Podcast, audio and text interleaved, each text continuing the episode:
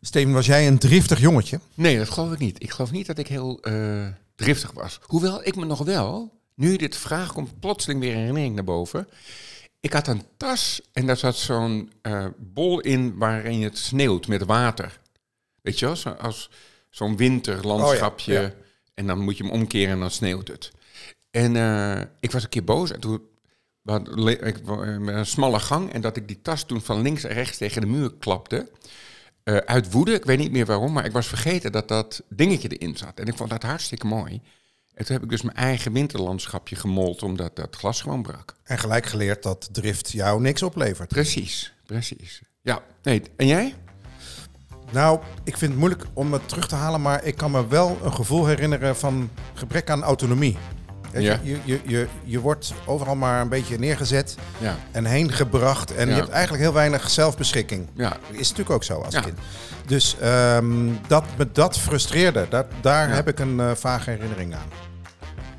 Je luistert naar de 018 Bennis en Podcast. De podcast over de ontwikkeling van kinderen tussen de 0 en 18 jaar. De podcast wordt gepresenteerd door twee vaders. Steven Pont, ontwikkelingspsycholoog en systeemtherapeut, oprichter van het internetplatform 018 en voormalig journalist Martijn Bennis, tegenwoordig directeur van het ANP.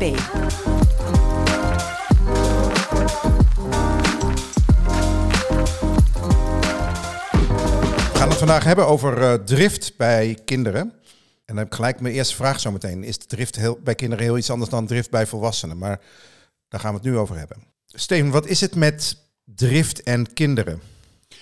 Um, kinderen maken natuurlijk ook frustratie mee. Dat ligt altijd onder drift. Hè? Dus je wil iets, maar het lukt niet. Wat jij net ook zei over die autonomie. Alleen uh, het emotionele deel van het brein, wat we ook het limbisch systeem noemen, uh, dat is eigenlijk leidend bij kinderen. Hè? Dus die prefrontale cortex, waar is een soort rem van gedrag. En dat limbisch systeem zou je kunnen zeggen een soort gaspedaal. Dus jonge kinderen hebben eigenlijk veel meer gaspedaal dan rem. Je ziet het ook bij kinderen van twee. Hè? Dus als er iets gebeurt wat niet aanstaat, dan geven ze een ander kind een klap. Uh, uh, dus die emotie die zet zich onmiddellijk om in gedrag. Die prefrontale cortex is nog niet helemaal ontwikkeld. Die is nog niet helemaal ontwikkeld, nee. Uh, nog helemaal niet zelfs. En dus ben je eigenlijk, je bent nooit emotioneler dan dat je heel jong bent. Hè? Dus er zit weinig rem op. Hè? Dus nog vroeger, nog meer, heb je zin om te poepen, dan poep je. En heb je zin om iemand te slaan, dan sla. Dus, uh, nou, en dus die driften, die, die, die emotie die daarin zit, die zoekt altijd onmiddellijk een uitweg. Dus jij kan ook driftig, uh, sorry, je kan ook een emotie over iets hebben. Net als een kind. Alleen jij kan de rem aanzetten. Dat je denkt, ja, ik heb zin nu om deze manier uit te schelden, bijvoorbeeld. Maar ik heb een grote rem, namelijk een ander deel van mijn brein dat zegt, die meer op de lange termijn denkt ook bijvoorbeeld, zegt, nou, gaan we niet doen. En, en zo stuur je je gedachten, zo kanaliseer je je emotie. Maar bij jonge kinderen is het niet zozeer een kanaal als wel een grote waterval. Dus wanneer is dat een beetje af? Uh, nou, kijk, de, de prefrontale cortex is pas helemaal uitontwikkeld, zo rond je 23ste. Dus tot die tijd eh, zou je kunnen zeggen, zijn er soms kinderlijke driften, ja. ongecontroleerde emoties eigenlijk. Ja. Ja, en dat is in die zin dan uh, hoort bij de normale ontwikkeling dat je dat af en toe hebt. En daarom vind ik het ook belangrijk om uh, uh, deze podcast niet alleen over, want als je over driftbuien hebt, denkt iedereen meteen over de terrible twos, hè, of kinderen tussen 1 en 4, hè, dus die driftbuien in de supermarkt, de beroemde. Maar we moeten het eigenlijk over de hele linie heen trekken. pubers hebben ook driftbuien, maar weer om andere redenen. Ook frustratie, maar bijvoorbeeld wat jij net zei over dat je uh, te veel bepaald wordt. Dat is nou net een van de grote thema's natuurlijk die pubers hebben. Dat ze denken, ja, ik ging elke zondag mee naar oma, maar nu niet meer. En dat ouders denken, ja, maar je hoort toch nog steeds bij het gezin. Maar, dus die maakt zich los, die wil, wil, op zoek naar die autonomie. Nou, en dan zie je daar natuurlijk ook driftbuien met slaande deuren. En, eh, en dat zijn ook eigenlijk ongecontroleerde emoties, waarbij je uh, een emotie niet zozeer omzet in communicatie, in taal, maar wel in communicatie in de zin van dat je met een deur gaat lopen rammen. Even een klein uitstapje naar volwassenen. Hè. Er zijn natuurlijk ook volwassenen met driftbuien. Ja. Uh, of driftig uithalen. Ja. Ehm, zijn die dan eigenlijk op een bepaalde manier onvolwassen in, in emotionele controle? Of zou het ook nog iets anders kunnen zijn? Nou, kijk, als het maar groot genoeg is. Maar inderdaad, er zijn mensen die ook op latere leeftijd nog veel last hebben met het controleren van die emoties. Dus die blijven die waterval. Hè, dus bij kinderen van 2, 3, 4, 5, 6 is dat normaal, die waterval. En dan een deel van de opvoeding is om dat te kanaliseren. Dus je mag je emotie hebben, dus je mag boos zijn, maar je mag niet slaan. Dat moet je op een andere manier doen. Net zo goed als, ik vind het prima als je niet mee wil naar oma, dan hebben we het erover. Maar we gaan niet met deuren lopen rammen, want dat is nou deel van je ontwikkeling. Dat je op 28-jarige leeftijd andere manieren hebt gevonden en die zijn aangeleerd hoe je dan met die frustratie omgaat. Nu, nu heb je, ik was bijna mijn quote vergeten, ook omdat jij er gewoon niet naar vroeg. Ja, uh, vertel eens, heb je een quote? Ja, um, dat is verbied je kinderen niet om boos te zijn, maar leer ze om dat te kanaliseren. Of eigenlijk was de tegeltjes, was uh, leer ze hoe boos te zijn. Ja, niet dat ze niet boos mogen zijn, maar hoe ze boos moeten zijn. Ja, precies. Ja, ja. Nou, en dat is ook op jonge leeftijd. Kijk, eigenlijk bij de ontwikkeling van kinderen uh, elk moment dat het fout gaat, zou je ook kunnen vertalen als een leermoment. Dat klinkt een beetje vroom, maar dan gaat er dus iets mis. En je leert nergens zoveel dan op de momenten natuurlijk dat, dat, het, dat het misgaat. Nou, dus uh, onze reactie op die driftbuien, die, daar leren kinderen uh, van. Dus je mag die driftbuien, hè, dus je mag die emotie hebben, maar niet op deze manier kanaliseren. Ja, en zo moeten ouders natuurlijk ook het een en ander leren. Van hoe om te gaan daarmee. En dat is denk ik ook wat we vandaag gaan eh, bespreken. Um, hoe ziet driftbui eruit bij jongere kinderen, bij wat oudere kinderen? En hoe ga je daar als ouder mee om? En wanneer wordt het eigenlijk toch wel problematisch? Want er is denk ik ook wel iets wat weer buiten de orde valt. Ja. Daar hebben we ook wat brieven over gekregen. En wanneer is het een beetje te, te gek met de driftbuien? Ja. En hoe ga je daar dan mee om? Ja. En misschien kunnen we um, even buiten de orde van uh, wat we normaal gesproken doen. We hebben namelijk uh, een technicus, dat is Morris. En dat is toevallig mijn zoon. Of het is waarschijnlijk helemaal niet toevallig. Nee. Ik ga al 18 jaar met hem om, namelijk zo oud als hij is. En uh, toen hij een jaar of tien was, had hij forse driftbuien. En misschien is het wel aardig om even de ervaringsdeskundige... Dus jullie wisselen even van plek? We wisselen even Jij gaat even de techniek doen? Ik ga, nou, dat niet. Ik ga wel even op die plek zitten. Goedemorgen, daar zit je. Ja, leuk. Anders. We hebben het over driftbuien. Jij had die behoorlijk toen je tien jaar oud was. Ik heb eigenlijk drie vragen aan je. Wat herinner je je nog van? Weet je nog hoe het voelde? En kan je me iets vertellen over de reacties van bijvoorbeeld Martijn of van je moeder of van de omgeving? Het, wat er eigenlijk gebeurde is dat er iets heel kleins gebeurde. Weet ik veel, een blokje Lego dat ik niet van elkaar kreeg. Het kon echt heel klein zijn. Ja. En dan ontstond er een soort gevoel. Volgens mij was het een beetje in mijn buik. Ja en ook wel in mijn benen. Ja. Dat er echt iets uit moest. Er moest echt iets bewogen worden. En ik weet ook nog dat, dat ik dan vaak naar de bank ging. Want dat is een nou, zacht object en dat kan niet echt heel goed kapot. Dus daar ga je dan tegenaan trappen. En dat ik wist van als ik nu tegen de bank aantrap of een, ja, in een kussen sla, dan wordt het alleen maar erger. Dus eigenlijk moet ik dat niet doen. Dat wist ik op een bepaalde manier. Mhm. En dan deed ik het op een gegeven moment toch, want ja, dat moest dat moest gevoel uit. uit. Ja. En dan werd het eigenlijk alleen maar erger. Dus dan belandde ik echt in een soort cirkeltje met mezelf. En dan was ik de oorzaak vrijwel vergeten. Ja. Dus de waterval um, werd eigenlijk alleen maar groter. Ja. ja. En uh, je leefde natuurlijk niet alleen, want je vader en een moeder en twee zussen. Mm -hmm. hoe, hoe vond je dat zij daarop reageerden? Kun je daar iets over zeggen? Uh, ja, ik weet nog dat ze in het begin mij vooral een beetje alleen lieten. Nou ja, dan werd een beetje gezegd van ga, maar, ga jij maar even afkoelen. Ja. En dat ik ook zelf heel erg zei van nee, ik wil alleen zijn, ga weg. En, Maar mhm. dat ik dat eigenlijk helemaal niet wilde. Ik zei het wel, maar ik vond het uh, toch wel heel fijn om iemand bij me te hebben. En ik ben er toen een tijdje, naar een soort kinderpsycholoog gegaan. Mhm. Uh, en die vertelde dat volgens mij ook aan mijn ouders. Dat dat uh, vaak de oplossing is als dat ouders gewoon dicht bij het kind moeten zijn. Ja. En dat gebeurde toen en volgens mij is dat, ging dat een stuk beter. Oké. Ik had die buien nog steeds wel, maar dan wisten mijn ouders dus dat ze gewoon heel dichtbij me moesten zijn. En heel dichtbij zijn, wat betekent dat? Gewoon letterlijk. Ja, maar kan je het een beetje beschrijven? Is dat vasthouden? Is dat naast je zitten? Is dat in dezelfde ruimte blijven? Ik denk gewoon echt wel vasthouden. Ik, het is een tijdje geleden, dus ik weet niet meer zo heel goed. Maar mhm. gewoon vasthouden en ja, ik denk vragen stellen, dat ze dat ook vooral wel deden.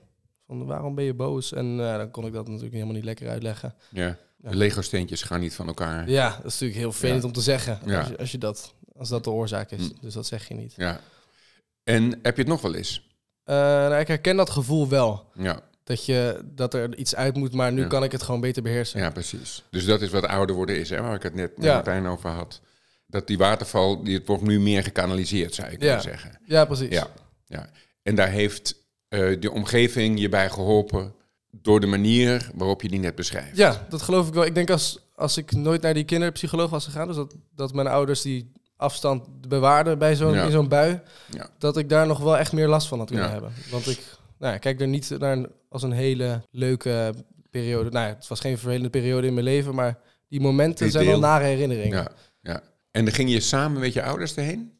Nee, alleen. Het was een hele grote kamer met allemaal speelgoed erin. En dan ging, ging je daar een beetje spelletjes spelen terwijl je aan het praten was. Ja, ja. Dat was wel heel, heel relaxed. Ja. Is er nog iets wat we niet hebben geraakt nu? Dat je denkt, ja, maar dat, dat was ook een belangrijk onderdeel. Hè? Dus je hebt gezegd, oké, het, is, het is, als ik het even samenvat, het is fysiek. Het is iets fysieks dat eruit moet. Ja. Um, en dat probeer je eruit te rammen, maar je ramt het er eigenlijk alleen maar in. De waterval wordt groter. Ja, dat en je hebt eigenlijk behoefte meer aan contact dan aan ja. iets anders eigenlijk. Ja, dat, is het. Ja. En wat ook nog wel een meespelende factor zou kunnen zijn, is honger. Dat, dat had ik heel erg. Dat wist ik zelf niet. Ik, Maar ik denk dat dat achteraf wel een ding was. Dat als ik echt moest, moest eten, okay. dat ik dan dat het lontje veel korter kon zijn. Of het in ieder geval het, de oorzaak kon nog veel kleiner zijn dan, uh, ja. dan wat dan ook. Dus ja. Ja. Nou, dat speelt mee. Ja. Ja, bij kinderen zien we ook wel uh, als ze moe zijn. dus, dan, oh, dus als er ergens een tekort aan is, aan slaap of aan eten. dus dat lijf reageert daar dan op en, dan, ja, en je kunt het gewoon nog niet sturen. Want daar ben je gewoon nog, nog wat jong voor. Ja. Dankjewel Maurice voor je ervaring. Graag gedaan. Delen. Dank Zeker. je. Ik ga weer achter mijn laptopje zitten. Ja. Super. Mag je vader ook weer binnenkomen? Nou, we hebben één ervaringsdeskundige gehoord, maar misschien kan jij een beetje in zijn algemeenheid vertellen hoe ga je om met driftige jonge kinderen? Dus laten we even beginnen bij de, de, de, de leeftijdscategorie 2 tot 4 of zo. Ja, ja. Dat is eigenlijk het hoogtijseizoen uh, van, uh, van het driftbuien. Waarom? Omdat je wel allerlei emoties hebt, maar je hebt nog onvoldoende taal en onvoldoende beheersing om dat op een andere manier te doen dan dat fysiek te uiten. Dus uh, we noemen dat ook wel de terrible twos. Hè? Dus dat zijn met name zo kinderen van twee. Die, uh, kijk, kinderen tot één zijn niet driftig.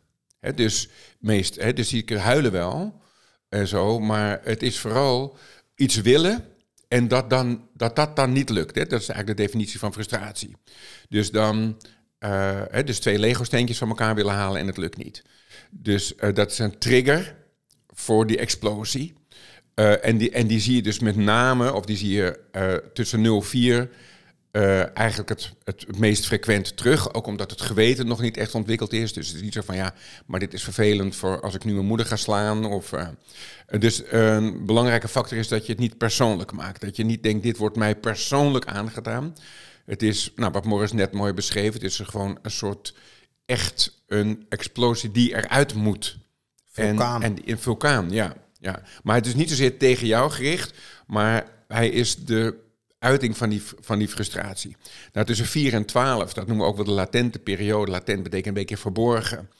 En dan uh, is maar het... nog even terug naar, naar de jonge kinderen. Dus, uh, want het gaat niet over jou. Dat is heel goed om uh, je te onthouden. Dat begrijp ik heel goed. Maar, maar je moet er wel iets mee. Ja. Het richt zich misschien wel op jou. Ja. Dus wat, wat is de manier waarop je, waarop je met een met een kind van drie dat in uh, klassieke beeld in de supermarkt op de grond ligt, uh, ligt te krijsen omdat er iets niet kan. Ja. Dus wat is de, de manier waarop je het best mee om kan gaan? Nou ja, ik geloof ook in, eigenlijk vaak in preventie. Dus als je met je kind van drie naar de supermarkt gaat en je uh, geeft je kind daar een rol. Je zegt, oké, okay, dus ehm, we, jij zoekt de bananen. Ik zeg maar wat, hè? En dan loop je door de. En dan is het kind actief bezig in die supermarkt. En dus afleiden kan een van de strategieën zijn om niet in zo'n driftbui terecht te komen. Omdat je niet gefrustreerd raakt, hè? omdat je een rol krijgt. Um, als het eenmaal zover is, nou wat Morris net mooi vertelde, is dat je de neiging hebt inderdaad, of ouders de neiging kunnen hebben om kinderen dan te isoleren. Hè, dus de, de time-out plek. Ik ben niet tegen time-out plekken, op moment, uh, zolang je er maar bij gaat zitten. Wat wat anders is, dan ga jij maar even op de trap zitten. Ik ga terug naar de kamer. Want op de momenten dat kinderen eigenlijk het meest emotioneel zijn, hebben ze je nou net het hardst nodig. Terwijl de paradox is dat het lijkt alsof ze je verstoten. Dus, uh, en daarom vroeg ik net ook aan Morris, en hoe zag dat er dan uit? Hè? Dus sommige kinderen is ernaast gaan zitten, is uh, de vorm van contact die ze prettig vinden. Andere kinderen vinden het prettig als er tegen ze gesproken wordt. Andere kinderen vinden het prettig juist als ze even op schoot worden gehouden. En uh, uh, bij andere kinderen betekent dat alleen maar weer dat de explosie nog verder toeneemt. Dus het is altijd een beetje maatwerk natuurlijk. Maar die nabijheid op moeilijke momenten, die is wel standaard. Dus daar moeten we wel echt goed naar handelen. Dus time-out plek is altijd wat mij betreft een time-out plek met z'n tweeën. Dus in een wat prikkelarmere ruimte. Um, en daar samen tot rust uh, komen. Ja. Dus, dus dat noemen we ook wel co-reguleren. Dus je wilt dat een kind zijn emoties reguleert. Maar net zo goed als je moet leren lopen, dat doe je ook eerst samen. He, dus als je iets wilt dat iets gereguleerd wordt, zit er altijd een fase van co-regulatie voor, aan vooraf.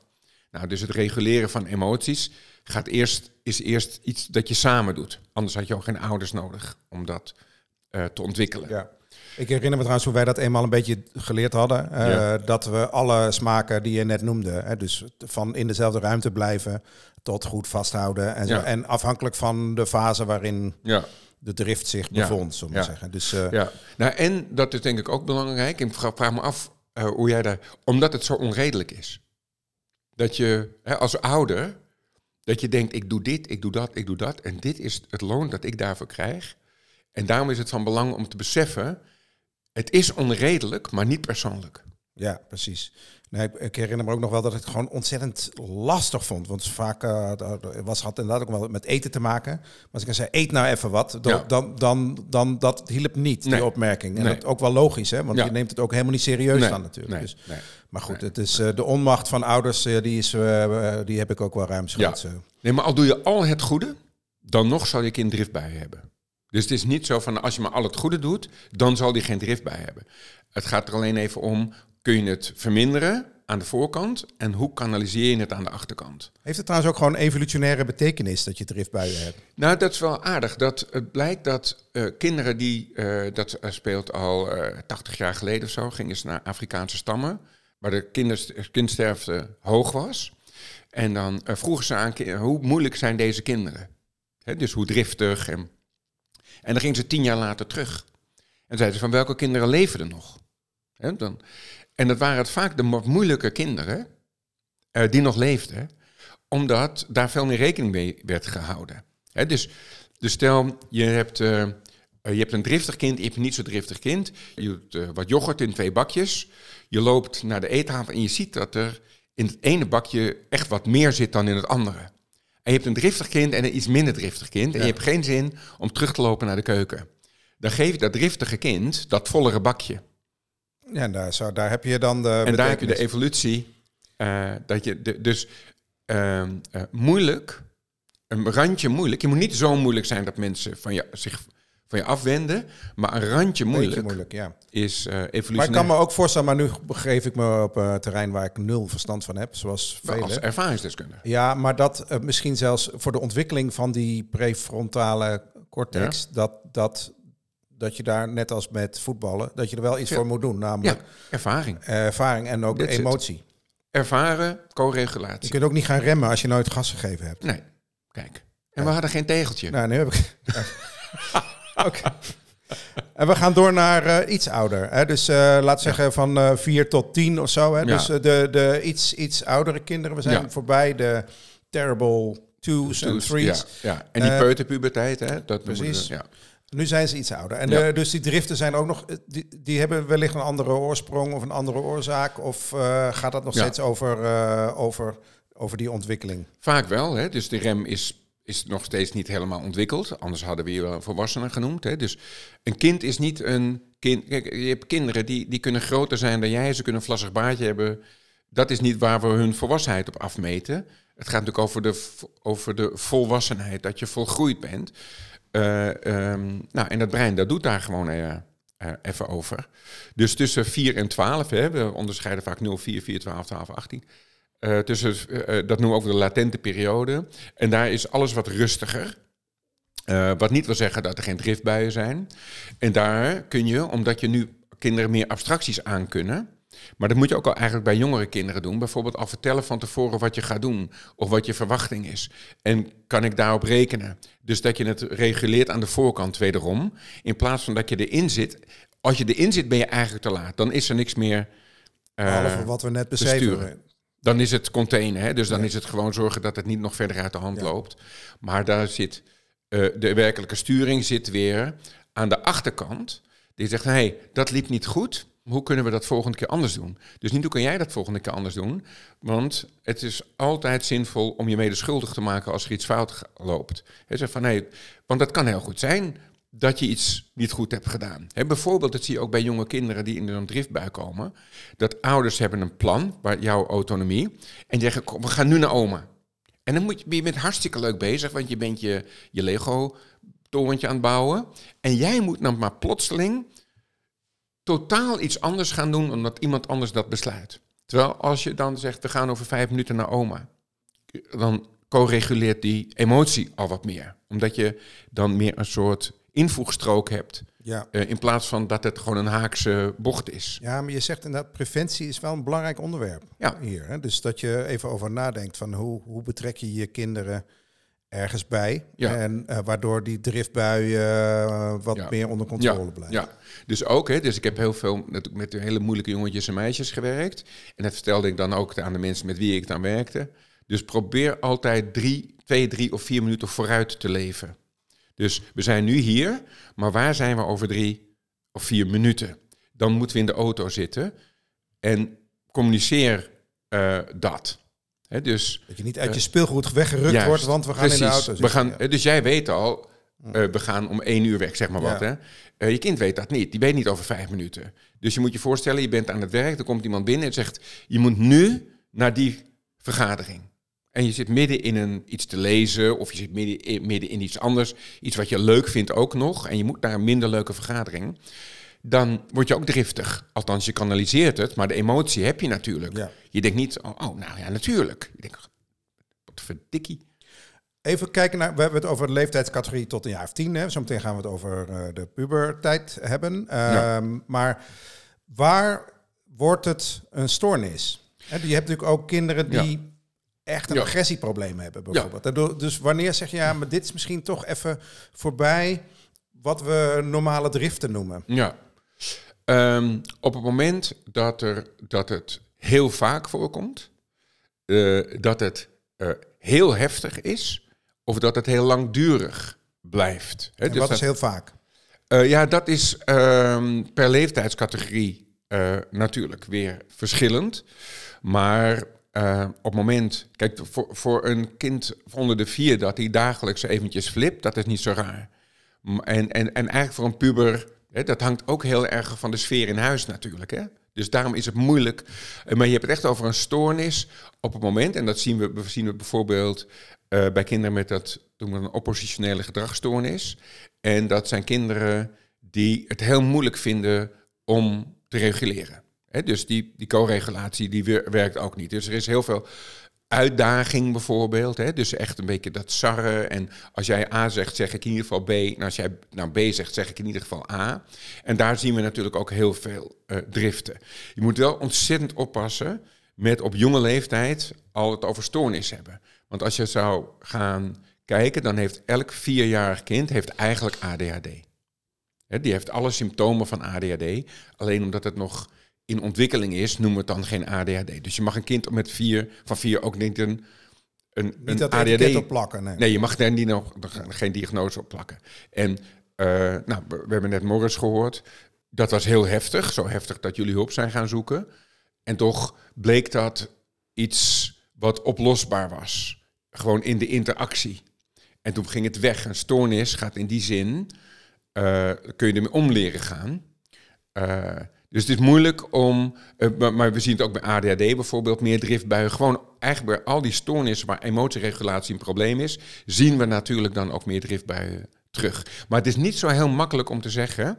Kijk, mensen hebben een gebroken arm of je hebt geen gebroken arm. Maar wanneer het een stoornis is, ben, ja. Dat is heel lastig, dat is een overgangsgebied. Ik kan me ook voorstellen dat uh, ouders hebben er een rol in. Ja. Als ouders het eigenlijk niet zo goed doen, ja. dan, dan bevorder je natuurlijk wel het aantal, aantal incidenten. Ja. dus als de ruimte heel klein is, en nu komen we dan eigenlijk vanzelf op de puberteit. Hè? Dus de definitie van puberteit is misschien wel, ik wil ruimere grenzen dan de grenzen die ik krijg. En uh, het gebied tussen de grenzen die ik wil en de grenzen die ik krijg, daar zit een verschil tussen. En dat noemen we ook wel reactantie. En reactantie wil zeggen dat je tegen bent uh, gewoon omdat jij het zegt. Omdat ik, jij geeft mij te weinig ruimte. En is elke puber eigenlijk uh, bezig met het oprekken, die autonomie waar jij het helemaal in het begin over had. En daar kan ook dan drift bij uitkomen. Hè? Dus je ziet ook, dat is uh, uh, pubers dan, die gaan one down. Hè? Dus die trekken zich terug op een kamer, of die gaan heel veel naar vrienden. Of hè, die zorgen dat ze, dat ze daar niet mee geconfronteerd worden. En anderen, ja, die, die gaan recht tegen in. En dan wordt natuurlijk, hoe ga je ermee om, ook een wat complexere vraag, lijkt mij, hè, in de puberteit. Dan is het erbij blijven zitten, ja. uh, daar kom je er niet meer mee. Uh, mee nou ja, nee, dus weten van tevoren wat de triggers eventueel zijn. Dus uh, bereid het dat ook voor. Dus ik ga nu een gesprek met je hebben over school en ik weet dat je dat niet leuk vindt, maar ik, ik vind het belangrijk dat we dat gesprek even hebben. dus dan weet je, als we gaan het over school hebben, dat is een trigger. En als je het introduceert aan de voorkant, je kan ook zeggen, en ik ben ook, ik wil het er heel graag over hebben, gewoon op een, op een manier waar ik jou, naar jou luister en jij naar mij.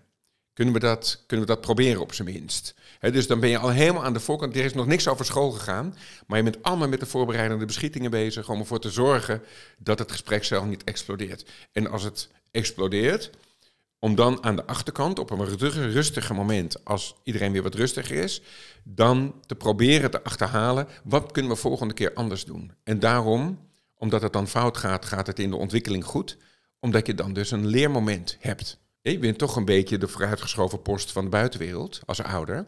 Van ja, ik, ik kan dit van je hebben, want ik hou heel veel van je, maar dit is niet de manier waarop je het later in het leven moet gaan doen. Dus daarom leer je het leven van je ouders. En moeten we misschien ook een beetje blij zijn dat het af en toe fout gaat. Zodat je aan de achterkant ehm, je werk kan doen eigenlijk. Dus de, achterkant en de voorkant zijn altijd boeiender dan het moment zelf. Ja, wijze les. Ook een tegeltje? Heb je nog uh, emoties moeten kanaliseren de afgelopen half uur? Uh, nee, ik heb ze wel uh, zeker niet kanaliseren. Nee, nee. Jij? Nee, ik ben helemaal, helemaal rustig. Morris? Ik heb zin om een bank in elkaar te slaan. Och, jeetje. Oké, dit was de podcast. Tot volgende keer. Je hebt geluisterd naar de 018 Bennis en Podcast. Heb je vragen of suggesties? Mail dan naar podcast.018.nl 018 schrijf je als NUL en dan het getal 18.